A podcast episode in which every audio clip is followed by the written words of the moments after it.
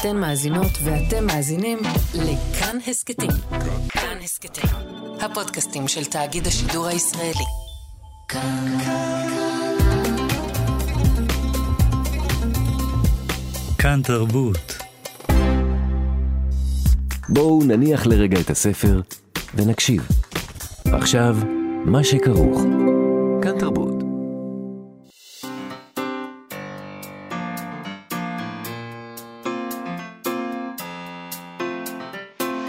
מה שכרוך.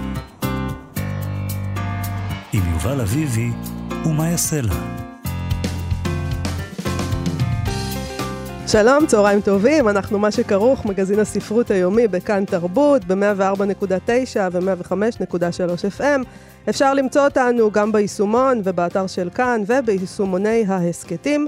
איתנו באולפן המפיקה שלנו דניאל פולק, ועל הביצוע הטכני חן עוז. יובל אביבי בחופשה, מחליף אותו אלעד ברנוי, מגיש פופ-אפ בימי חמישי ב-10 בבוקר, האזינו לו מחר, 10 בבוקר, יום חמישי, שלום אלעד ברנוי. שלום, מה נשמע? בסדר גמור, אז אני מבינה שאתה מחר גם משדר, במקרה לגמרי, או שלא במקרה, תוכנית מיוחדת, שבה אתה תשמיע מוזיקה. ספיישל מיוחד, ספיישל מיוחד, שבו נשמע רק מוזיקה, כי די, כמה אפשר לדבר, מה היה? כמה אפשר לדבר? בואי פשוט נשמע מוזיקה במקום... אבל איזה מוזיקה? מה זה יהיה? מוזיקת פופ. פופ והיפ-הופ. לא, לא, לא מרחיק לכת עם הדברים האלה. אוקיי, אז אה, אני רוצה להגיד שגם במה שכרוך, יש לנו תוכנית מיוחדת היום. ספיישל מיוחד. ספיישל מיוחד. אנחנו מארחים היום לשעה שלמה את איש המסעות שלנו, הסופר, הטיילן, האנרכיסט, צור שייזף. אני מקווה שמותר לי להגיד האנרכיסט. אנחנו ננסה להבין את הפילוסופיה של המסע, האם הנפש שלנו זקוקה למסע, אה, ואני לא מדברת על חופשה כמו שאנחנו מכירים אותה, לא נסיעה לשבוע-שבועיים לאירופה. אה, החופשה הזאת שפעם כללה חמש ארצות בשלושה ימים, והיום היא נגיד רובצים באיזה ריזורט מפונפן, בטח לא טיול מאורגן, מסע של ממש. האם התפיסה שלי את המסע, כמו שאני אומרת אותו עכשיו, היא רומנטית? במסע שאני מדמיינת, למשל, יש תמיד מפגש עם איזה זקן סיני חכם, או סודני חכם. אה, נשאל גם האם יש ממה לפחד, נדבר גם על געגוע, געגוע אל הדרך הנפקחת לאורך, האם יש געגוע אל הבית, האם המסע משנה את האופן שבו אנחנו תופסים את הבית. אה, נדבר גם על הכתיבה, כתיבת סיפור המסע. האם מבינים דברים אחרת על המסע תוך כדי הכתיבה? ומה קוראים בזמן המסע, אם קוראים בכלל, ולאיזו מוזיק, מוזיקה מאזינים? צור שייזף, כמו שאמרתי, הוא סופר, עיתונאי ונוסע מתמיד. הוא גם אקטיביסט חברתי וסביבתי, וקורם ויינן. הוא כתב רומנים והוא כתב ספרי מסע, ויש לו כרם ענבים וזיתים ליד מצפה רמון. ובעיקר, הכי חשוב, יש לו גם פינה אצלנו, במה שכרוך, דרך הספר, שלום צור שייזף. שלום, מאיה. אני מבין שבזה נגמרה תוכניתנו. סליחה שבזבזתי את כל הזמן של חצור. אגב, אני חייבת להגיד על הכרמים האלה, הענבים והזיתים, במוח שלי, יש לך אדמה, אתה צריך לאבד אותה, לאן אתה נוסע כל הזמן? מה, איך זה עובד? זה דבר, אה, ניתן לומר, זה אחד השינויים הכי גדולים שקרו לי בחיים. זה קרה לפני 12 שנה, בטעות ובמקרה. לא הייתה לזה שום כוונה, ואכן יש בזה שינוי גדול. זה אומר שבכל התקופה הזאת של השנה, שמתחילה מתישהו ביולי ונגמרת באוקטובר כשהיין נמצא בתוך החביות והמכלים, אז זה לא כל כך רעיון טוב שאני אסע לאנשהו, אפילו לא שאני אעדר מהכרם להקליט תוכניות, כי נגיד עכשיו היינות הלבנים גומרים את התסיסה, ויש, זה הקטע שצריך להיות מאוד מדויק, של להכניס את היין ולאצור אותו בעצם בלי חמצן באיזשהו מקום.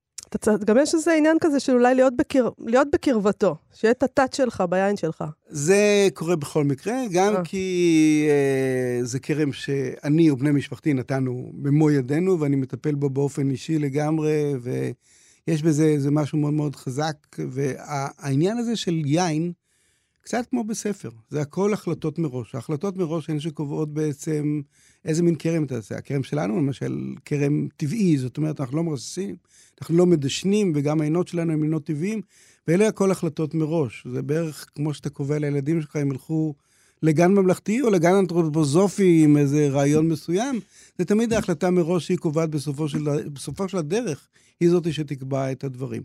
זה כמו הרעיון בעצם של ספרות מסע. זאת אומרת, בחירת היעד היא הדבר שמשפיע על המסע. אני, למשל, כששואלים אותי אם הייתי במקומות מסוימים, אני אומר, תראו, חברים, אני חייב להגיד שהעולם השלישי הרבה יותר מושך אותי. זאת אומרת, כל המקומות שהם לא מסודרים ולא מאורגנים, ויש בהם איזה סוג של אתגר ואיזה סוג של הרפתקה, הרבה יותר מושך אותי מדברים אחרים. לכן, רוב ספרי המסע שלי קורים בעצם באזורים האלה של העולם. יש לי בת שחיה בפריז ושואלת, למה אתה לא בא לבקר? אני אומר לה, פריז לא נורא מעניין, הייתי כבר... אתה לא מדעתך, כן. תגיד לי. אני, זה מה שהיא אומרת. אתה, בתקופה הזו, דווקא עכשיו, אתה בעצם, כל, כל העולם מטייל, כל העולם אה, נוסעים בשדות התעופה, ואתה נכון. צריך להישאר עם היין. אתה רואה אותו בתור אני לא באוגוסט? את זה, כאילו נתיב אחר, נכון? כולם נוסעים לפריז, ואתה, לא, אני לסודאן. סודן. האמת היא שכן, אבל מכיוון שסודאן יותר טוב בחורף, וזה גם מתאים לי, מכיוון שסודאן, בכל זאת בחורף הטמפרטורות הן נורמליות. הן יהיו סביב ה-30 מעלות, ולא כמו עכשיו שהן קרוב יותר ל-50 מעלות. אז נשמע גם, העולם מסדר את עצמו למעני. אני רוצה לשאול אותך, מתי היה, מה היה המסע הראשון שלך בעצם? לאן נסעת? הדבר הראשון הזה של, מה, אתה, מה, אתה אחרי צבא? לא, הרבה לפני זה. בגיל שלוש, אה, אבא שלי נסע לאיזה כמה חודשי... אה, אה, אני חושב שזה היה שבתון או משהו בדומה באוקספורד. אבא שלי הוא איש אוקספורד. זאת אומרת, הוא הקים את החוג לימודים קלאסיים בתל אביב, אבל נסענו לאוקספורד והפלגנו על האונייה ירושלים. הפלגנו על האונייה ירושלים, אני הייתי בן שלוש, זה היה 1962, ומה שאני זוכר מהמסע הענק הזה, אני זוכר שהתרוצצתי בלי חשבון בתוך הספינה למעלה ולמטה, והגעתי לחדרי מכונות, ואף אחד לא עקב אחריי ולא שום דבר. ואני זוכר את הקטע הזה שירדתי למטה ואונייה הפליגה, אבל היה איזה פתח מאוד קרוב לגלים, ועמדתי שם והסתכלתי על הגלים, וראיתי את ה... לא יודע מה זה היה, דגים, דולפינים, לא משנה מה, אבל הייתי בן שלוש, זה נורא הרשים אותי. ואז כשהגענו לצרפת, את צרפת חוצים ברכבת, כי האונייה הוגנת במרסה וצריך להגיע לתעלה. אני זוכר את העניין הזה של לעמוד, אבא שלי לקח אותי על הכתפיים, והיה נורא גדול, הוא בטח היה מטר שבעים, משהו כזה. זה עמוד על הכתפיים, והיה נראה לי כמו איזה ענק, ואז הוא לקח אותי לקטר, הוא נורא אהב רכבות, גם אבא שלי נורא אהב לנסוע. אני זוכר את הקיטור המעשן הזה של שנות ה-60, שאחרי זה נסענו את נסיעת הלילה המפוארת בו, ואת ה... כמובן את, המע... את המעבורת שחצתה את הלמאנש.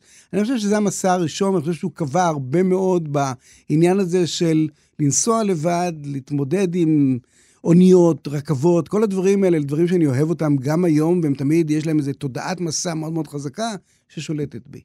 זה מעניין, אתה יודע, כי גם uh, בכל נסיעה אפשר, uh, אני מדמיין אותך ב- ב- בספינה הזאת, אתה, בעצם לקחו אותך, uh, ואתה יצאת למין מסעות משל עצמך בתוך הדבר הזה. כלומר, גם בתוך המסלול המאורגן שאבא שלך ארגן לך, אתה ירדת למטה והלכת לפתח הזה ויצרת מין מסעות פנימיים, ואני חושב על זה שבכל מסע, בכל נסיעה שיש, יש את האפשרות הזאת ללכת עם הדבר הזה, עם ה... מה שאמורים, הנתיב שאמורים ללכת בו, ויש עוד המון מסעות אחרים שאתה יכול ללכת אליהם. זה לגמרי נכון. אני חייב להכניס פה את המסע הבא, שהיה פחות או יותר באותה שנה שבה אנחנו חזרנו מאנגליה קצת כמה ימים לפני אבא שלי. וגרנו בבית הכרם, ברחוב המייסדים, ולמטה הייתה גינת ביאליק, ואחות שלי ואני הלכנו לגינת ביאליק, אני הייתי בן שלוש, אחות שלי הייתה בת חמש וחצי או שש, היא חזרה משהו הביתה לקחת איזשהו דבר, אני נשארתי בגינת החול, הגיעו שתי ילדות, שהן היו בטח בנות 11, 12, עם עגלה, ואמרו לי, אתה רוצה לבוא איתנו לטיול? אמרתי, כן. ושתי הילדות האלה לקחו אותי לטיול, ואחות שלי חזרה ולא מצאה אותי, וכמובן חזרה הביתה, ואימא שלי הרימה את כל משטרת ירושלים, כי חטפו לה את הילד, והתחילו חיפושים נרחבים מכל רחבי בית הכרם, ובסופו של דבר שתי הבנות הרגישו את ה vibe אחרי שירדנו למטה על הגיא וחזרנו, ושחררו אותי, ואני עליתי ברחוב ביאליק בחזרה הביתה, ומצאו אותי איזה שני ילדים, והייתה שמחה גדולה, וכמובן אבא שלי בדיוק חזר מאנגליה, אז הוא הביא לי קטר קיטור מפלסטיק, ומהמסע הזה, ואף אחד לא האמין לי כמובן שתי, ששתי בנות חטפו אותי, ועד היום זה נשמע מופרך לגמרי. בן אדם הולך לשחק בגינה, חוטפות אותו שתי בנות, לוקחות אותו למסע עיסוי, אה, למסע כזה אה, נחמד ביחד איתן, הוא חוזר ועוד מקבל מתנה. אז גם העניין הזה, התודעה הזאת של המסע, שהמסע נושא בחובו מתנות ומפגשים לא צפויים, וכל מה שאתה צריך זה רק להתמסר לנשים שיקחו אותך, זה גם כן דבר בטח שהשפיע עליי רבות בענייני הכתיבה. אבל, אבל אני רוצה לדבר על פחד. כלומר, אין גם פחד בתוך הדבר הזה? כלומר, כשאתה נוסע לכל מיני מקומות, ללא נודע הזה, או מקומות שבכלל, נגיד, אולי עם דרכון ישראלי גם לא היית יכול להיכנס אליהם, זה לא מפחיד? אתה לא פשוט מפחד שיחטפו אותך? שתי בנות ש... אתה יודע. אה, קודם כל חטפו אותי, ולא רק בנות, אלא גם בנים ואפגניסטן, נדמה לי שדיברנו על זה באחת נכון. התוכניות, ובעוד מקומות אחרים כמובן ניסו אה, אה, לירות ולהרוג וכל מיני דברים אחרים. הוא אומר את זה כמו- כמובן, כן. מה? כן, אבל אה, צריך להבין, העניין הוא שאני לא פוחד לרוב ממה שאנשים, נקרא להם רציונליים, פוחדים. מי שפוחד, פוחד. זה דבר נורא נורא פשוט. אה, תמיד, שואלים אותי מה המקום הכי מסוכן שאתה אה, מסתובב בו, אני אומר, קטע הדרך שבין נגיד הבית שלי ביפו לשדה התעופה, זה המקום המסוכן ביותר שיש, הישראלים על הכביש עם רצחני. אם אני עובר את הקטע הזה, רוב הסיכוי שאני אחזור בשלום. עכשיו, זה נכון על גבול מסוים, אבל נגיד, אני יכול לתת דוגמאות אה, בשנות ה-90. עיתון הארץ, המוסף, שלח אותי לצ'צ'ניה, מלחמת אזרחים. לא היה לי פחד, נקרא לזה בצורה לוגית. לא חשבתי על הפחד, אבל כשבאנו לנחות בסלפצוסקיה, שזה השדה הקרוב ביותר לגרוזני, נתפס לי הצוואר. זאת אומרת, הגוף שלי יודע שאני פוחד ומפריש את הדברים האלה, וככה קרה לי בלא מעט מקומות. ברגע שאני יורד לקרקע ואני מתחיל לזוז, התנועה משחררת מהפחד. וזה אחד הדברים החשובים במסע. שאלת לגבי העניין הזה של למה אנחנו עושים, איך אנחנו עושים, מה אנחנו עושים עם דברים, אני חושב שהתנועה משחררת. זה הדבר הראשון שיש. ברגע שאתה נע, ברגע שאתה הולך ממקום למקום, רוב הדברים משתחררים, וגם אם יש איומים, אתה חושב עליהם הרבה יותר מהר והרבה יותר מפוקח, ואני חושב שאני יודע לזוז ואני יודע להימנע מכל, דברים, מכל מיני דברים, וגם להתיידד עם אנשים שמסכנים אותי, וזה מוציא אותי מהרבה... זהו, אתה בעצם, בוא נודה בזה, אתה סומך על הקסם האישי שלך, שיהיה בסדר. אני חושב שקורה לי משהו שהוא הפוך במקום שבו אני יושב. אני חושב, שה... אני חושב שכתבתי את זה גם באיזשהו מקום, הרבה יותר טוב להיות נוסע מאשר שכן. כשאתה שכן אתה תקוע. יש לך שכנים טובים, בסדר, יש לך שכנים לא טובים, אכלת אותה. כשאתה נוסע, מישהו מציק לך, משהו מסכן אותך, אתה פשוט קם וזז הצידה וממשיך בדרכך, וגם אם יש מישהו שאורב לך, אתה משנה מסלול, או שאתה חולף על פניו במהירות, וזהו, נפטרת מהבעיה הזאת. זאת אומרת, יש בתנועה איזשהו דבר שהוא דבר מאוד מאוד גדול, ואני חושב שהוא לא קשור רק למסע, הוא קשור בכלל, נגיד, לסוג של דרך חיים. זאת אומרת, במה אתה, אתה, האם אתה מעדיף להתעמת, או אתה מעדיף את התנועה? ואני חושב שהתנועה, יש בה איזה משהו שהוא מזרים אותך הלאה, הוא מייצר את הדברים. ולזה אני, אני חייב לחבר איזשהו משפט שבזמנו ברוס צ'טווין אמר. צ'טווין בספר אה, היפה שלו, קווי שיר, אז הוא אמר, אנחנו בעצם נולדנו בתור נוודים. אנחנו ברגע שאנחנו עוצרים, אנחנו מתים, וככל שאנחנו, התנועה מרפאת אותנו. היא, היא עושה לנו איזשהו דבר שאנחנו לא יכולים להבין, ומוסיפה לזה דזמונד מוריס עם גן החיות האנושי, זה שהעיר בעצם לוקחת ומקבעת אותנו בתוך המקום ויוצרת את כל המתחים שהולכים ומתגברים כמובן ככל הזמן, ככל שאנחנו מצטופפים בתוך חברה. אתה מבין את החשיבות של התנועה, את החשיבות של הנדודים ואת הדבר הזה שבעצם זה מרפא אותך כמעט מכל מחלה. אז כן, אלעד, סליחה. אני פשוט חושב על זה שיש גם, יש לזה גם צד שני, לה, אתה מדבר נגיד על מישהו שמציק לך, או אורב לך, או מסכן אותך, ואתה באמת, אה, אה, הוא לא, הוא לא יהפוך להיות שכן רע, אבל באותה מידה גם, אתה אולי מפספס את השכן הטוב, או את, ה, את הרגע הזה עם הבן אדם הזה שיכול להיטיב איתך. לא. זה, אה, את האנשים הטובים אתה פוגש בדרך כל הזמן. זה אחד הדברים הכי מפתיעים והכי הפוכים, נקרא לזה, למחשבה האנושית. המחשבה האנושית מוצאת איומים בכל מקום ומלמדת אותך להיזהר מכל דבר. בעוד שהניסיון מלמד אותך שרוב האנשים הם טובים, רוב האנשים רוצים אותך בתור אורח, ורוב האנשים יערכו אותך, גם כאלה שבסיטואציות מסוימות נחשבים לאויבים מרים, הם יערכו אותך וילינו אותך וידאגו לך, ולכן המפגשים הטובים קורים כל הזמן. המפגשים הבעייתיים הם הרבה יותר נדירים, זה מישהו צריך לערוב לך, ושם אתה צריך את האינטואיציה איך אתה מדלג מעל הדברים האלה. עכשיו, והמפגשים הטובים הם כמובן המקור לשיחות ולדיאלוגים ולכל הדבר הזה שבונה ספרי מסע, כי יש גם דיאלוגים מצחיקים, גם סוחר בחנות יכול להיות דיאלוג מצחיק שישעשע אותך מההתחלה ועד הסוף, את הלא לי זולה יותר, ובאמת אני לא יכול למכור לך את זה, כי אני נורא אוהב את זה, אבל, ואתה לא יכול, אבל אני הולך לצבא בשנה הבאה, או כל הדברים שקורים בדרך. אני רוצה לשאול אותך, האם בעצם לפי מה שאתה אומר כאן, בעצם אנחנו חיים בטעות. אנחנו, אלעד ואני ושאר האנשים, רובם שמאזינים לנו, אנחנו חיים בטעות, אה, מין חיים כאלה שהם אה, בדרך כלל ב, בעיר או באיזשהו... כל, אין, אין פה הרבה כפר, אבל אנחנו בעיר, קמים בבוקר, הולכים לעבודה, עוד יום, עוד יום, נוסעים פעם בשנה לשבועיים, ל, לא יודעת לאן, ליוון. זו טעות. אנחנו לא בנדודים, אנחנו לא במרחבים, אנחנו ויתרנו על המרחבים בעצם. כי יש פה משהו שחברה מובנית, חברה מובנית לא יכולה לסבול יותר מכמות מסוימת של אנשים כמוני. אה, בדרך כלל לא רבים. חברה אנושית כפי שהיא חברה שמקבעת אנשים. זאת אומרת, אנחנו מייצרים מושבות, אנחנו חיה חברתית. אנחנו בנויים על קשרים קבועים, אנחנו בנויים על משפחות. זאת אומרת, עצם זה שאני יכול לנסוע, זה אומר שבת הזוג שלי מאפשרת לי לנסוע. היא לא צריכה לאפשר לי, להגיד לי, טוב, אתה יכול לנסוע, אלא בעצם זה שהיא מסכימה עם זה שאני יכול בבוקר לקום ולהגיד, אה, משהו קורה בקוסובו, אני הולך לראות מה קורה בקוסובו, או בא לי, אה, לי בדיוק נפלה החומה, אני רוצה לראות מה קורה במרכז אסיה, ואז אני נוסע על דרך המשי לכמה חודשים. ואלה דברים שהם פשוט, זה עניין של הסכמות, והסכמות האלה הן נדירות. רובנו, גם במערכות יחידות וגם במערכות של זוגות, לא משנה מאיזה מין כמובן בימינו, בין דולפין לחסידה, כמו שנאמר, הם לא, לא מסתדרים, הזוגות האלה, עם זה שאחד יש לו איזה חופש כמעט בלתי מוגבל לעשות את מה שהוא עושה, לעומת מי שצריך לשבת. זה לא הוגן, אולי. לא, כן, אבל עוד פעם, זה... אתה מפצה אותה? לא יודעת, גם אם הוא אולי רוצה לנדוד.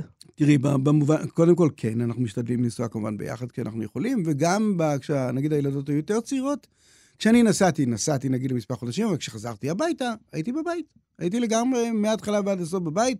זה לא עניין של פיצוי, זה עניין של אופי. זה עניין של הסכמות, לכן במובן הזה, ברור שאצלי התשוקה לנדודים, נקרא לזה, התשוקה למסעות, היא גוברת על הכל. והיא מתחברת גם לאיזו החלטה שהייתה לי בגיל מאוד מאוד צעיר. אני רציתי להכיר את העולם. רציתי להכיר את העולם גם במובן הפיזי שלו, להיות כמעט בכל מקום, מתוך זה שאני חסר דמיון כמובן, וגם מכיוון שמאוד עניין אותי הצד ההיסטורי. אבא שלי היה היסטוריון, אני, יש לי גם את הצד הזה, ורציתי לדעת ההיסטוריה של העולם בצורה, נקרא לזה, מקבילה ושווה בכל מקום. מה קרה בתקופת האבן? פה, ובצד השני של העולם. מה קרה בתקופה הצלבנית אצלנו, לעומת זאת מה קרה בסין או במונגוליה באותה תקופה בדיוק, והעניין הזה של קווי הרוחב, נקרא להם, של ההיסטוריה, מול קווי הרוחב של העולם, מול הטופוגרפיה וכל התנועות שלהם, וזה שכשמישהו אומר לי, נגיד, כמו בשיחה הקטנה שהייתה עם יובל שעומד תכף לנסוע ליוון, כמו השיחה הקטנה שהייתה לנו פה, הוא אמר לאן הוא נוסע, ואני יודע לאן הוא נוסע, ואני רואה את הדברים. ולי זה עושה איזה משהו מאוד פמיליארי של המקומות, אני אוהב את זה מאוד. היית בכל העולם כבר? לא, לא הייתי בשוק יום שישי באנטארקטיקה. לא יודע אם יש, אבל לא הייתי באנטארקטיקה. וחוץ מזה, מה, אה, מה, יש איזה מקום שעוד לא היית בו? ש... לא, יש, יש, יש. יש. אסיה הייתי, באסיה הייתי ברובה, אה, אמריקה, צפון, דרום, הייתי מ, באמת מאלסקה ועד ארץ האש. אירופה ברוב המקומות, אבל לא בכל ארצות מזרח אירופה וסקנדינביה. אה, ובאפריקה יש כמה מקומות, שעוד, חלקים שעוד לא הסתובבתי בהם. זה פח... ואוסטרליה וניו זילנד, שלא נסעתי אליהם, כי זה נראה לי מקומות די משעממים. לא מעניין אותך. לא, הם... מה לא... עם העולם הערבי? מה עם לבנון, לא, סוריה? לא. הייתי, זה הייתי. היית? זה הייתי לא מעט פעמים. אני מסוכסך עם האיראנים ועם הלבנונים על הדברים האלה. הם חושבים שאני מרגל ציוני. אנחנו עוד מעט נדבר על זה. עוד מעט נברר את הסוגיות האלה. דיברת על אופי, וזה מעניין אותי, העניין הזה של תשוקת הנדודים, כי אתה מדבר, ואני אומר לעצמי, זה, אני, אני כמעט נדבק בדבר הזה, אבל אז מלא מערכים פנימיים אצלי משתיקים את זה ואומרים, לא, לא, ממש לא, זה לא בשבילך. ואני תוהה, האם... האם התשוקה הזו על הנדודים היא, היא משהו שיש לכולנו ואנחנו בגלל חרדות או בגלל כל מיני דברים אחרים מדכאים אותה, או שאתה חושב שאתה נולדת עם איזשהו מרכיב ספציפי בך ש, שדוחף אותך כל כך רחוק? תראה, ברור לגמרי שנולדתי עם, אה, נקרא לזה, עצמאות אה, מוגברת וחוסר שקט מוגבר. בטח היום הייתי איזה מטופל בכל מיני... היו משתיקים אותך כבר עם רטלין, אומרים, שב, שב. בדיוק, ניסו, יש לי נכד כזה, ולכן אני יודע שזה גנטי הדבר הזה, אבל לא הצליחו. והדבר השני, עצם זה ש... שני ההורים שלי עבדו. אבא שלי היה באוניברסיטה, אימא שלי הייתה מורה. רוב הזמן אני הייתי לבדי. כשניסו להגיד לי משהו, עשיתי מה שאני רוצה והייתי הילד המרדן. בגימנסיה. בגימנסיה אני לא הייתי צריך לשבת בשיעורים, כי ידעו שאני קורא ספרים, אז יכלתי לשבת בספרייה, אבל הייתי קורא קצת בספרייה, ואז שם את התרמיל, קופץ והולך לחוף מציצים. אני אשכרה דוגמה של בגרות ים תיכונית. ועדיין אני בוגר הגימנסיה העברית הרצליה, לך תזכור איזה מחזור. אז אני חושב שהתכונה הזאת נמצאת אצל כל אחד. אני חושב שכשאלו אותי פעם על הודו, היו מלא ויכוחים, אנשים הרי התחלק, מתחלקים לאלה שאוהבים את הודו כמוני וחושבים שזה המקום הנפלא והמעניין ביותר בעולם. ויש כאלה שאומרים, לא, עזוב, הלכלוך, וזה, אני לא רוצה, והמחלות והעניינים. אני אומר להם, להודו, אתם צריכים לנסוע עם מישהו שאוהב את הודו. אתה נוסע עם מישהו שאוהב את הודו להודו, אין סיכוי שלא תאהב את המקום הזה. ואני חושב שזה ככה בכלל לגבי מסעות, ואני חושב שזה ככה גם לגבי ספרות, זאת אומרת, אם אתה חי בחברתו, אם אתה מאמין במישהו שהוא באמת אוהב משהו, האהבה של מישהו למשהו פותחת אצלך את האהבה לאותו דבר. ואני יכול להגיד על עולם היין, עד שאני לא, היה לי כרם ולא התחלתי לעשות יין, בסדר, היה יין, שתיתי. אבל פתאום אני ביין ואני שם, ואז זה עולם שלם, אירוטיקה שלמה, ומסטול נפלא. כל מה שאתם רק רוצים, אז זה אותו דבר, אני חושב. הוא צריך, צריך לקחת אותנו לטיול, זה, זה מה שאני שומע. עם, אבל עם בקבוקי יין גם. נתחיל ביקב ונצא משם. אוקיי. okay. uh, טוב, לפני שנמשיך, נשמע שיר, uh, נעשה הפסקה קצרה. Uh, אני, אני נתתי לו לבחור את כל השירים היום בתוכנית, אתה מבין? נראה מה קורה, בוא נראה מה לא יאמן, בוא נשמע מה הוא בחר.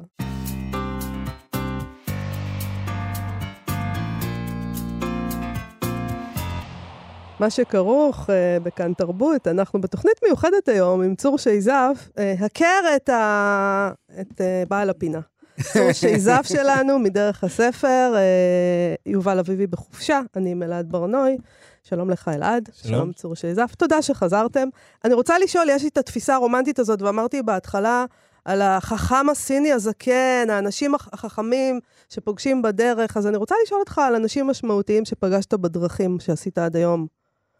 האם בכלל זה ככה, או שסתם אני מפנטזת? נורא קשה לי לדבר, אנשים הכי חכמים שפגשתי עד היום, בעצם, אני חושב שהמוחות הגדולים פגשתי דווקא בארץ. נגיד דן דאור, שהוא, אה, ניתן לומר שהוא גם זה ששילח אותי לדרך המשי. זאת אומרת, אה, הוא החכם הסיני העתיק, אני יכול, שאני יכול לדבר עליו, ואני יכול גם לספר עליו סיפור קטן, כי יום אחד ישבתי על הגג שלו שם ברחוב מאנה, והוא נפטר לפני אה, משהו כמו 13 שנים לצערי, בגיל צעיר יחסית, 72. ואני שאלתי אותו, תגיד, יש, יש פה אנשים חכמים בארץ? הוא אמר, כן, אחד. אמרתי לו, מי? הוא אמר, תראה, יש איזה אח, זאת אומרת, נזיר קתולי שיושב שם במבדד נטופה, והוא האיש הכי חכם שאני מכיר, אני לא זוכר איך קראו לו, אבל הוא בן 80. ואז יום אחד כזה נפגשנו בגג, וראיתי אותו זורח לגמרי, אמרתי לו, מה אתה זורח, דני? הוא אמר, חזרתי ממבדן נטופה. ואני אומר, ופגשת את החכם הזה? הוא אומר לי, כן. אני אומר, על מה דיברתם? מסתכל עליי בזעם, אומר לי, מה זאת אומרת דיברנו? שתקנו. עכשיו, זה, אני חושב, ממצה את העניין הזה של לפגוש אדם חכם. זה כן סיני כן, חכם. כי כי לפגוש אדם חכם זה אומר שאתה חושב שאתה מספיק חכם בשביל לדבר עם מישהו חכם. להקשיב למורה חכם שילמד אותך דברים שאתה לא יודע, זה אתה לא צריך לנסוע לשום מקום, תקרא ספרים, נכון. וזה מושאי הערצה נמצאים כאן ושם, ולרוב בסופו של דבר הם מאכזבים. אני יכול להגיד שפגשתי דמויות שהיו דמויות יוצאות דופן, ואני חושב שאולי אחת הדמויות היוצאות דופן ביותר שפגשתי היה זזה ציצישווילי. האביר הגיאורגי הנפלא מדרך המשי. קראתי. בדיוק, כן, כן. עכשיו, רק השם, זאת אומרת, איך הוא קיבל את השם? הוא קיבל את השם כי הסבא של הסבא של הסבא של הסבא שלו, במאה ה-12 נלחם בסלג'וקים, ואז הוא עוד לא היה אביר, וכרת את ראשו של הפכה הסלג'וקי, והחזיק את הראש בשערות, בשיניים, כדי שיהיה ברור שהוא זה שהרג אותו, ואז בסוף הקרב זרק אותו ל- לרגליה של המלכה, המלך, תמר מפה, כי הייתה מלכה, אבל קראו לה המלך, וככה הוא קיבל את אחוזות מגרליה. עכשיו, הוא מכוער נורא, אף ענק, עיניים של דג. שלומפר אדיר, מושיט את הידיים שלו למעלה, תופס כסף, הוריד למטה, כסף נעלם, שודדים אותו בשוק בטשקנט, אבל מגיעות חבילות של כסף, והוא מחבק את כולם, וחבר של כולם, ושותה, ואוכל, ונגיד במלחמה בגיאורגיה, הוא השאיל לי את אחת מהמרצדסים שלו, מכר את ה-36 סוסים האבירים, קנה צי של מרצדסים, ונתן את אחד מהמרצדסים לנסוע לגורי. בגורי הרוסים שדדו לי את המרצדס, אבל החזירו לי אחרי כמה זמן, ירו עליי, הורידו לי חתיכת סנדל, בקיצור, סיפור שלם. אני מת על זה שירו עליי, זה כל פעם, אה, ברור, ירו עליי ברגע הזה. לא, גם, אני פתאום עכשיו חשבתי לעצמי, צור, מה הסיכוי שכל מה שאתה אומר באמת קרה? יכול להיות שאתה גם ממציא חלק? אני לא ממציא כלום, אמרתי לה, אני חסר דמיון לחלוטין. במקרה הזה את יכולה לדבר גם עם אה, ניר כפרי ואור הלר ואנשל פפר, שכולם... הם היו שם? לא רק שהם היו שם, שהיה איזה קטע שאחרי שהוא ירה וגנב לי את הרכב, אני כמובן נמלטתי מהמקום באור סיני, אז אה, נדמה לי שזה היה אוטו שבתוכו ישבו אנשל פפר וניר כפרי, וזה היה איזה מין לאדה כזאת מצ'וקמקת, והם אמרו לי, קפוץ, קפוץ פנימה, ואני אומר להם, אבל זה מלא פה. אמרו לי, פותחים לי את הדלת ואומרים, קפוץ כמו דג, ואני קופץ כמו דג על הברכיים שלהם, אנחנו נוסעים עם, הד... עם הדלת פתוחה, נמלטים לכיוון הקווים הגיאורגים. אז במקרה הזה, בסיפור הזה לפחות מתועד, לגמרי, כולל הירי של החייל הצ'צ'ני האוסטי עליי, או מה שזה לא יהיה. Uh, בקיצור, בעניין אנשים חכמים, עכשיו, בזזה, זזה הוא אדריכל, אבל הוא גם איש, הוא קונסר כזה, הוא יודע המון דברים. באמת, נהיה איזה יום אחד, מתישהו, בש... סוף שנות ה-90, נסעתי מסביב לים השחור עם איזה חברה, ואז uh, נזכרתי בסיפור הזה של הדבש המשוגע. הדבש שהדבורים עושים מרודודנדרון, ורדוטוס מדבר עליו, וגם קסנופון באנבסיס, ואז הלכתי וקניתי אצל המגדלי דבורים, קניתי איזה קופסת דבש של רודודנדרון, ואמרתי, זז הבן אדם, לטעום אותו, לראות אם אנחנו מתמסטלים ממנו או מתים ממנו. מגיעים לבית בטיביליסי, לזה יש כמה בתים, כי הוא זה, ומשפחה, וכל מיני, אנחנו יושבים שם בבית במרכז טיביליסי, גומרים את הארוחה הטובה, כי אם קורה לנו משהו, לפחות אכלנו טוב לפני. אז כל אחד יודע, כבית קדושה של רודודנדרום לתוך הפה. ואני מסתכל על זזה, ואני אומר לו, נו, ממסטל. עכשיו זזה הוא חשישאי צמרת וכמובן כל דבר אחר. והוא אומר לי, לא. ואתה יודע מה, אפילו לא כל כך מוצלח בתור דבש. אז זה זזה שאיתה עשיתי את המסע על דרך המשי, טוב עם המלך לדו, שהוא, אה, לפחות לפי השושלת, היה אמור להיות מלך גיאורגיה. אז הוא דמות, היה, היה באמת דמות מאוד מאוד ייחודית ומאוד מרשימה, ופגשתי כל מיני אנשים בכל מיני מקומות. אבל יש גם בדידות בתוך הדבר הזה. אם אתה מסתובב לבד, ואתה אמרת לנו באחת הפינות שאתה מעדיף לטייל לבד, כן. אתה לא יוצא עם בן אדם, עוד בן אדם למסע. Mm-hmm. אז זה גם בודד לפעמים, או שזה לא... כן, זה בהחלט, לא, יש, צריך לזכור שבעולם, קודם כל בעולם שקודם, נקרא לזה לטלפון הסלולרי ולזה שאנחנו יכולים בתקשורת רצופה כמעט עם כולם, אז בעולם, נקרא, בעולם, אה, אה, בעולם של העבר, אז כן, יש הרבה קטעים שבהם אתה בודד ו, וקשה לך, ואתה יכול להיות רעב ומנותק ותקוע באיזשהו מקום, ואז אתה גם צריך לסמוך על רחמי שמיים. וזה משהו שהוא הוא נורא מפתיע. באותה נסיעה שאני מדבר עליה, לפני שהיא התחילה בכלל, הייתי צריך להגיע לגבול הגיאורגי. חשבתי שאני אוכל לעבור ליד הים השחור, ולא יכלתי, הרוסים לא נתנו לי, ואז הצטרכתי לחזור לכיוון קארס. ולא היה רכב, לא היה שום כלום, ולמחרת הרכבת הייתה אמורה לצאת בשמונה וחצי בבוקר, ואני תפסתי טרמפים כל הלילה הזה, וכל הלילה הזה, זה היה משהו כמו... הצלחתי להתרחק מטרפזון חמישה קילומטר, חושך מוחלט, אני מסתכל למעלה לשמיים ואומר, נו, מה אתה אומר? טאק, מגיע רכב. אני עולה על הרכב, לוקח אותי, מוריד אותי באמצע ההרים שם, זה ההרים, הקצ'קר, ואז אני אומר לעצמי, מי עובר פה עכשיו בשעות האלה? מסתכל למעלה ואומר, מה אתה אומר? איך שאני גומר להגיד את המילה הזאת, נכנס איזה מכונית במהירות איומה, איזה שלושה שודדי דרכים ארמנים, לאן אתה צריך להגיע? אנחנו נכנסים לפה, לוקחים, מורידים אותי באיזה, מעבר, ל, מעבר לרכס, כבר אזור לגמרי צחיח. עכשיו זה שתיים בבוקר, זו התקופה שה-PKK וה, והטורקים כל הזמן נלחמים. אני עומד שם לבד, נהר, אין שם אפילו כביש. אני גלגל, כבר עישנתי, גלגלתי לעצמי איזה סמסון, מסתכל למעלה ואני אומר, נו.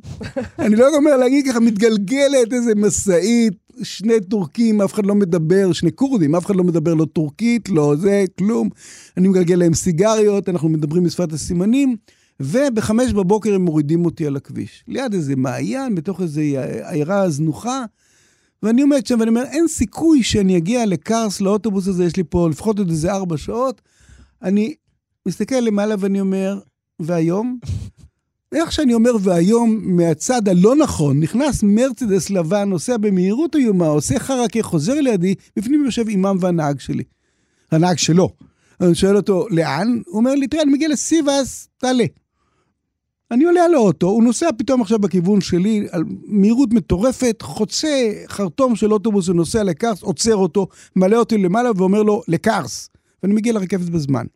אז אני לא יודע אם יש אלוהים או אין אלוהים. יש אלוהים. כאילו יש. יש אלוהים, בן לא, אדם. אבל ברור שהסלולר שתה אותו.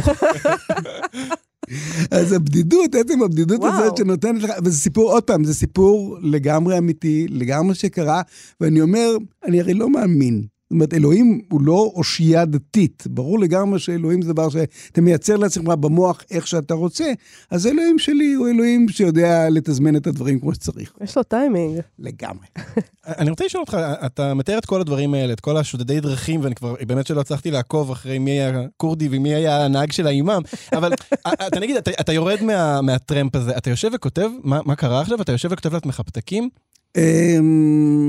דווקא את הדברים האלה לא, כי הם נחרטים במוח, אבל נגיד בכל כל מיני מקומות שהיו דיאלוגים נורא נורא מצחיקים, או שיחות משעשעות, או דברים שחשבתי שאני לא אזכור, אז כן, שם אני יושב ואני כותב, או בסופו של היום אני יושב ואני משחזר. אבל נגיד לפני 15 שנה. נסע, עשיתי איזה מסע גדול לטימבוקטו, מ... עשיתי מסע לטימבוקטו. ואז אמרתי, לא כותב כלום. מה שאני זוכר, זוכר, מה שאני לא זוכר, לא זוכר, כנראה שזה לא חשוב.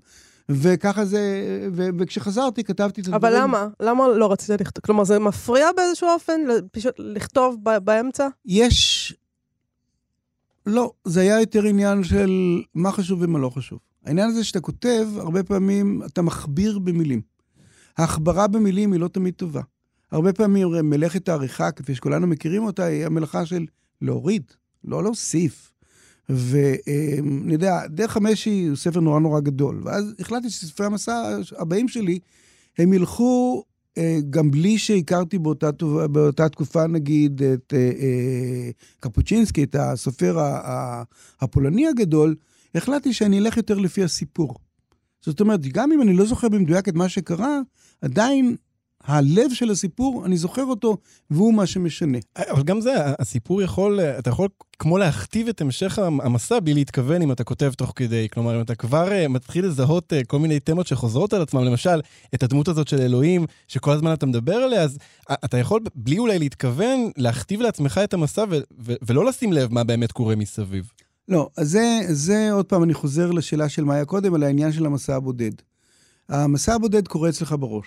זאת אומרת, מסע בודד, אתה לא יכול, עוד בן אדם אחד, או עוד אה, אה, אה, בת זוג, לצורך העניין, במקרה שלי, אה, הופכת את המסע לקפסולה. ברגע שזה קפסולה, העולם קורה ביניכם. אפילו היא תגיד לך, תסתכל על זה, ואל תפספס את זה, ואז תשומת הלב שלך שנתונה למשהו אחר, לגמרי מתפוגגת. כשאתה נוסע לבד, אתה מרוכז בדרך, אתה מרוכז באנשים, אתה מרוכז באור, ואתה מרוכז בעצמך ובתחושות שלך, אתה מרחם על עצמך או אתה שמח, כי תמיד אחרי הרגעים הקשים, יש איזה מין סוג של התעלות, של הצלחתי, עשיתי, אה, הגעתי לאיזה מקום שאף אחד לא, שאני לא הגעתי אליו, לא אכפת לי, אף אחד לא, אבל אני עוד לא הייתי שם. אז יש איזה משהו בדבר הזה שלא הדרך יכולה, ברור שהדרך מכתיבה לך הכל, אבל לא הניסיונות שלך בדרך הם שיכתיבו, כי הרעיון הוא כל הזמן להישאר פתוח, כל הזמן להישאר רגיש, כל הזמן לנוע, נקרא לזה, בחזית רחבה של לאסוף את הדברים. ופה אני אולי יכול להיכנס לאיזשהו דבר אחר ש, ש, שאת הזכרת אותו, וזה העניין הזה של מה אתה קורא בדרך, ולמה אתה מקשיב בדרך. אז אני בדרך כלל קורא את הספרות של אותו מקום. אני משתדל להיכנס לחנויות ספרים, ואם יש משהו מתורגם, כי... אה, את מה ש... אתה קונה שם את הספרים. אני משתדל לקנות שם, כי בדרך כלל אלה יהיו הסופרים המקומיים, לא מה כתב. סופרי מסעות זה נחמד תמיד, אני תמיד אוהב סופרי מסעות, אבל הרבה יותר כיף לי לקרוא את הסופר המקומי. לא, לא קראת את רודף העפיפונים כשהיית באפגניסטן. לא, זה כבר הייתי לפני. אני את אפגניסטן מכיר בכל זאת מ-98, אני חושב שרודף העפיפונים זה אחרי, אז לא... אני כבר תכף יוצא מפה, בחייך, אני יוצא למסע בין כוכבים. אבל אה, אז, אז זה חלק מהעניין, אני נורא אוהב ספרות מקומית. עכשיו, כי אחד הדברים, אני חושב שדיברנו גם על הספר הזה בתוכנית, דיברנו על אה, המסע למערב, CUG. אתה מסתובב בסין, בכלל בסין של שנות ה-90, זה מקום נורא. כולם לבושים אותו דבר, הם לא מדברים שום שפה אחרת חוץ מה, מהסינית, הם לא מוכנים להבין אותך גם אם אתה מדבר קצת מנדרינית. פשוט מקום שבו, והם דוחקים אותך, הסינים לגמרי דוחקים אותך. אבל אתה קורא ספר כזה, שהוא פשוט ספר נפלא, והוא מלא הומור, והוא מלא דמיון, ו... וכל התרבות הסינית הגדולה, מסתבר לך, היא בנויה על יסודות של דמיון והרפתקה ו- והמון חוש הומור ו- ושלילת כל המבנה ההיררכי הקונפוציוני. זה בעצם מין ספר דאואיסטי יותר מאשר הכל, והדאואיזם כמובן התנגד לקונפוציוניזם ולכל המבנה שלו. ואז אתה מבין איזה משהו גדול על סין, אתה מבין שאותם אנשים קפוצי תחת וקפוצי פנים ולא רוצים לדבר איתך ולא זה, בפנים זה הספר שהכי חביב עליהם. זאת אומרת, הם, הם כל הזמן נכבשים על ידי הממסד הנורא שיש להם, אבל בפנים יש איזה ארץ אחרת. וזה, אלה התגליות, אלה לא, לא פחות תגליות מאשר לגלות נוף. זאת אומרת, אתה מגלה משהו אבל, על המקום, אבל זה לא שאתה הולך עם מדריך. השאלה היא אם אתה מתכונן. כלומר, אוקיי, נסעת לסין, לאן ללכת, ימינה או שמאלה? אתה יודע לאן אתה מתכוון ללכת? לא, אני פותח מפה, ואני, במקרה של דרך המשי זה היה לי פשוט. הדרך עברה שם, אני הולך ואני בודק. דרכים צוברות, דרכים הרי נוצרות כי אנשים הלכו בהם. אנשים משאירים את המשקע האנרגטי שלהם בכל מקום. אתה מרגיש את זה. אני חושב שלנו זה יהיה הכי פשוט, שאתה נכנס לבית כנסת בערב חג, או שאתה נכנס גם לכנסייה ומסגד. תמיד יש את הרגשת הקדושה הזאת. מה זה הרגשת הקדושה הזאת? זה כל האנרגיה שכולנו השקענו במהלך השנים וה, וההתכוונות שלנו במקום, וזאת הסיבה גם שאתרי עתיקות מושכים אותנו, או הדרכים העתיקות מושכות אותנו, כי מישהו עבר בהם, משהו קרה בהם.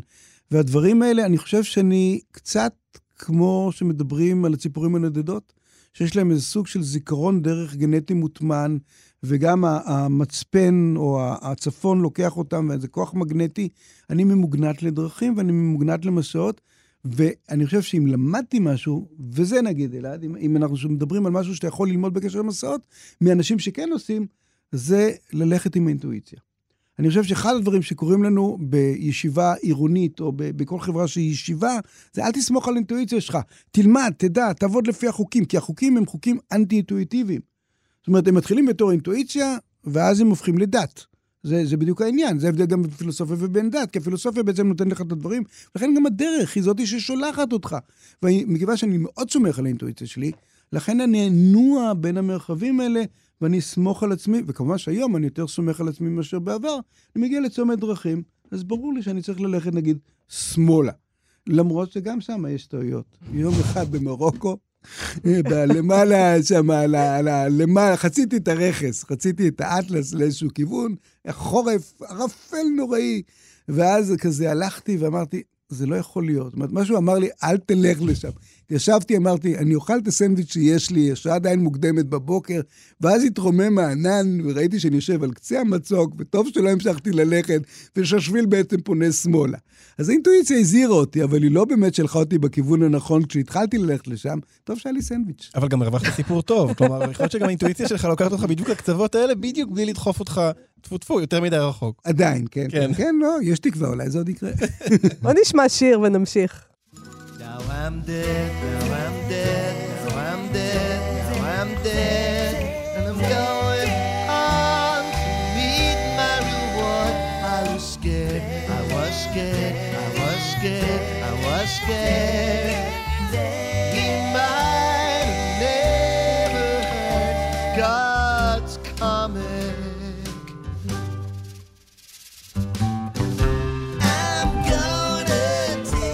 מה שכרוך בכאן תרבות, חזרנו, אנחנו בתוכנית מיוחדת עם צור שייזף שלנו.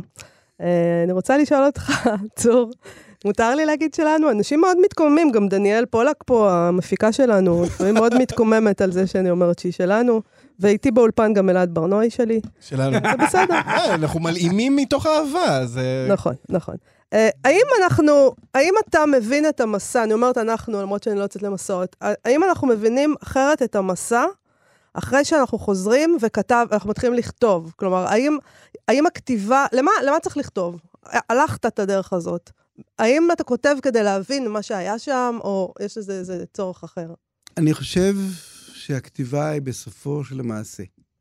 זאת אומרת, אני חושב שהרבה פעמים אנחנו, נגיד, סופו של סיפור אהבה יכול להיות תחילתו של ספר, אה, שזה קורה לא מעט, ואני חושב שגם המסע.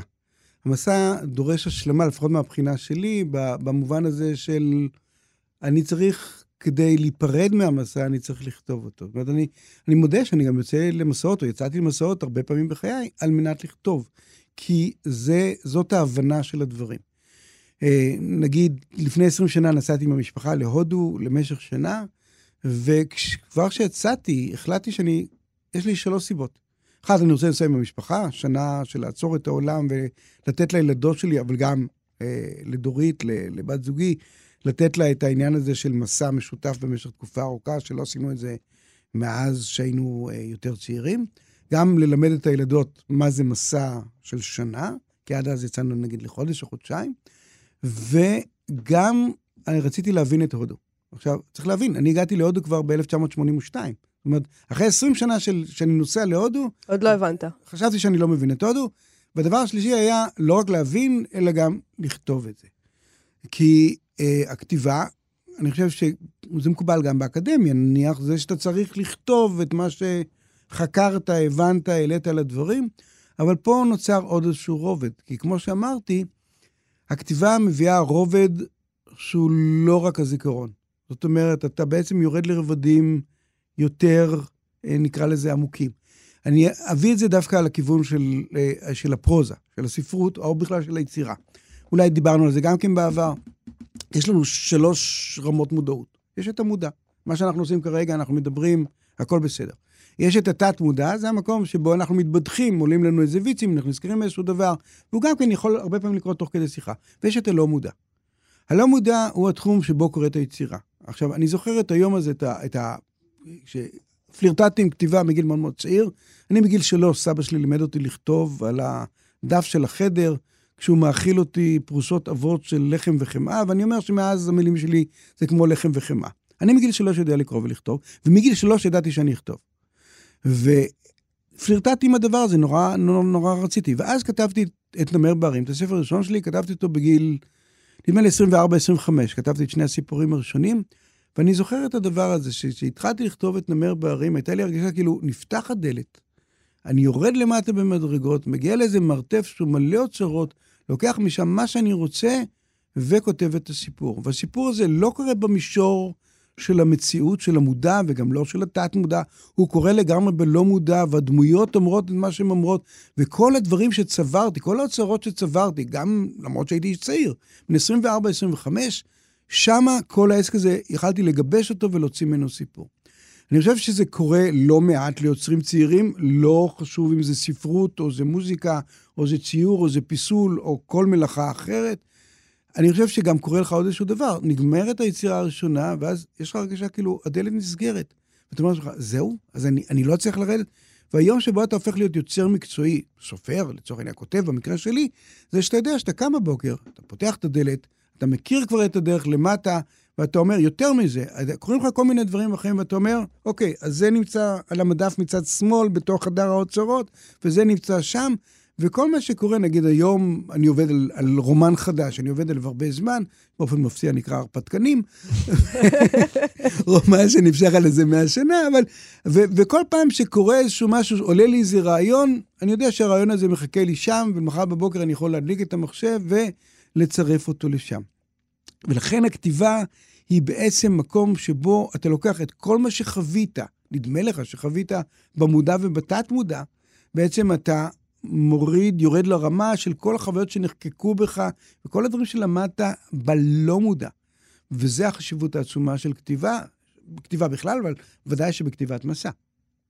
אני רוצה לשאול אותך, דווקא להחזיר אותך הביתה. אמ, אחרי כל המסעות האלה, באמת, אני לא חושב שפגשתי אדם שהיה ביותר מקומות, היה, יש לו יותר קילומטרים בעולם. כשאתה חוזר הביתה, התפיסה שלך של הבית משתנה בכל פעם שאתה חוזר, או שהשתנתה בכלל לאורך כל המסעות האלה? אמ, קודם כל יש זמן הסתגלות, כמובן. אני רוצה להגיד לדבר הזה, לא נענות אותך בצורה ישירה, אלא בצורה קצת עקיפה. יש זמן מסע, ויש את הזמן של הבית. כשאנחנו יושבים פה, כשאנחנו יושבים בבתים שלנו, הזמן עובר על פנינו. והוא בדרך כלל עובר לנו נורא מהר, ואנחנו לא שמים לב איך הוא עובר, ולעיתים אנחנו מצטערים על זה, כי לא תמיד זה כזה נפלא. מצד שני, כשאתה במסע, יש לך הרגשה שאתה אחד עם הזמן. שאתה לגמרי, אתה נע מזריחה ועד שקיעה, ויכול להיות שלתוך שעות הלילה, ושאתה לגמרי, אתה לא מזדקן. יש איזה משהו במסע הזה שהופך אותך לסוג של צעיר נצחי, וזאת הסיבה שהמסעות גורמים לנו אושר. ולכן אני גם לא הייתי מפריד בין הנסיעות הקטנות שלנו בתור נסיעות תיירים לבין הנסיעות שלי. אני פשוט מכור לאושר, זה הכל. אני, זה, זה עושה לי את זה, הנסיעות הארוכות האלה. ותמיד החזרה לארץ, יש עוד איזה יומיים, שלושה של אופוריה, ואז בום, אני מתרסק. ויכול להיות שגם העניין הזה של ההאחזות שלי בספרות המסע או בכתיבה, הוא כאילו להמשיך את, ה, את, ה, את ההפרשות של הדופמין במוח, כדי שאני אהיה מרוצה ויהיה לו קצת סרטונין מה שאני לא לוקח מהחומוס, כדי שאני אוכל לשרוד עם הדברים האלה. אבל אם זה היה תלוי בך רק, נגיד, לא היה נסיבות, אישה, ילדים, כרם, לא יודעת, היית פשוט, אתה רואה איזה חיים כאלה של נדודים תמידיים, פשוט בן אדם שמסתובב בעולם ואין לו בסיס? אני חושב שזה נכון לעשות את זה, אני חושב גם שזה נכון שיהיה לך בסיס שתוכל לחזור אליו. אני חושב שהמוכר והידוע, ועל זה כשאנחנו מדברים על משפחה, על אישה או בעל, או לא בעל, אבל בן זוג, אני לא כך אוהב את העניין הזה של אשתי ובעלי, אבל ברגע שיש איזה מישהו שהוא הקבוע, לחזור אליו, הנמל הבית, זה אחד הדברים הכי חשובים. זאת אומרת, להיות דריפטר, להיות רק נווד, אני חושב שיש בזה משהו מאוד מסוכן, כי בסופו של דבר אתה מאבד פוקוס. גם המישהו הזה הוא, הוא רפרנס לעצמך באיזשהו אופן, כלומר, אתה חוזר והוא משקף לך את, את מי שאתה, מי שהיית קודם, מה שהשתנה בך. זה דבר נהדר, מה שאמרת אלעד, מכיוון שזה בדיוק הדבר הזה. אתה נע בעולם אחד, זה שאתה חוזר אליו נמצא בעולם יציב וקבוע. והתהליך של ההתרגלות הוא, לא תהליך, פשוט. הוא לא פשוט. זאת אומרת, תחשבו אפילו על אודיסאוס, שנדבר עליו באחת התוכניות הקרובות, חוזר לפלנופה. מה את עשית בעשר שנים האלה? אני יודע מה אני עשיתי בעשר שנים האלה. אז תמיד, יש פה את, ה, את, ה, את הדברים האלה שהם... אה, אבל לא, אבל גם יכול להחזיק, אה, אתה יודע, חיים אה, יותר טוב, נישואים טובים ככה. זה מה כאילו, שדורית שאתה אומרת? מדי פעם מתחפף, וואלה, לא. עוף לי מהפרצוף. לא, דורית, תראי, אני מכיר את דורית, בת זוגי, מגיל 17. זאת אומרת, וואו, מגיל 17. מגיל 17, אני היום בן 63. זאת אומרת, אנחנו- ואנחנו בני אותו גיל. אבל היא אומרת שלדעתה אנחנו בערך שבועיים ביחד. אז זה מחזיק. עדיין, עדיין, עדיין בערך הדבש. מעולה, עדיין בתחילת הקשר. נכון, ירד עוד לא. סיימנו את זה, לא ברור אם אנחנו יצאנו או חזרנו מיחד דבש. אוקיי, אנחנו צריכים עוד מעט לסיים, למרבה התדהמה. אה, אז אני כן רוצה אה, לשאול אותך, כי כבר אמרת שאתה כותב, אני יודעת שסופרים לא אוהבים אה, לדבר על ספרים שהם עוד לא, שהם רק כותבים, אבל אמרת שאתה כותב ספר וקוראים לו הרפתקנים. תגיד משהו, תספר לנו קצת עליו.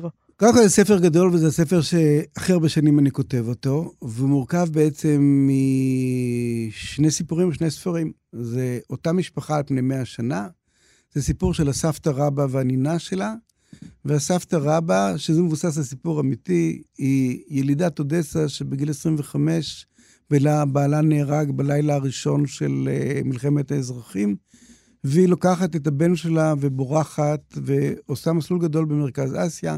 משאירה את הילד בשנגחאי וחוזרת לסחור בתוך מלחמת האזרחים המרכז אסיאתית, והסיפור נמשך... עם הקוראז' כזה. מדהימה, אבל לגמרי, עד שבסופו של דבר היא מגיעה ללימה, והבן שלה נחטף לגרמניה, שזה הכל מבוסס כאילו על מקרה אמיתי, אבל כמובן שאני עשיתי את הכיוון שלו, ואז אנחנו קופצים בעצם לראשית המאה ה-21, שהנינה שלה, שהיא תל אביבית, בעצם נקלט לאיזה מסע עם איזה חבורה של אה, ישראלים שעושים איזה משהו מאוד מוזר ומסתורי, שבעצם כולם רודפים אחריהם, מין אנבסיס כזה, כולם רודפים אחריהם לכל אורכה של אסיה, והיא אהובתו, או הוא אהובה, מי שמנהל את, ה, את העניין הזה, והם קוראים להם המון דברים ביחד, ויש כמובן משיקים במאה שנים של הנדודים האלה. אז זה מסקרן. ההרפתקנים. נמתין לזה. מה לאחל לך לסיום? מה לאחל לך? נגיד, מה, מה המסע הבא שלאחל לך? תיסע לשם. הודו, אתה אוהב את הודו, אחי, אני לא? אוהב את הודו, ואני אוהב את אה, אפריקה, ואני אני אוהב את העולם. נראה לי רעיון יפה. הבאתי בן אדם חיובי, אני לא מבינה מה זה הדבר הזה. זה כן, לא, אני מוכן גם למסע בין כוכבים.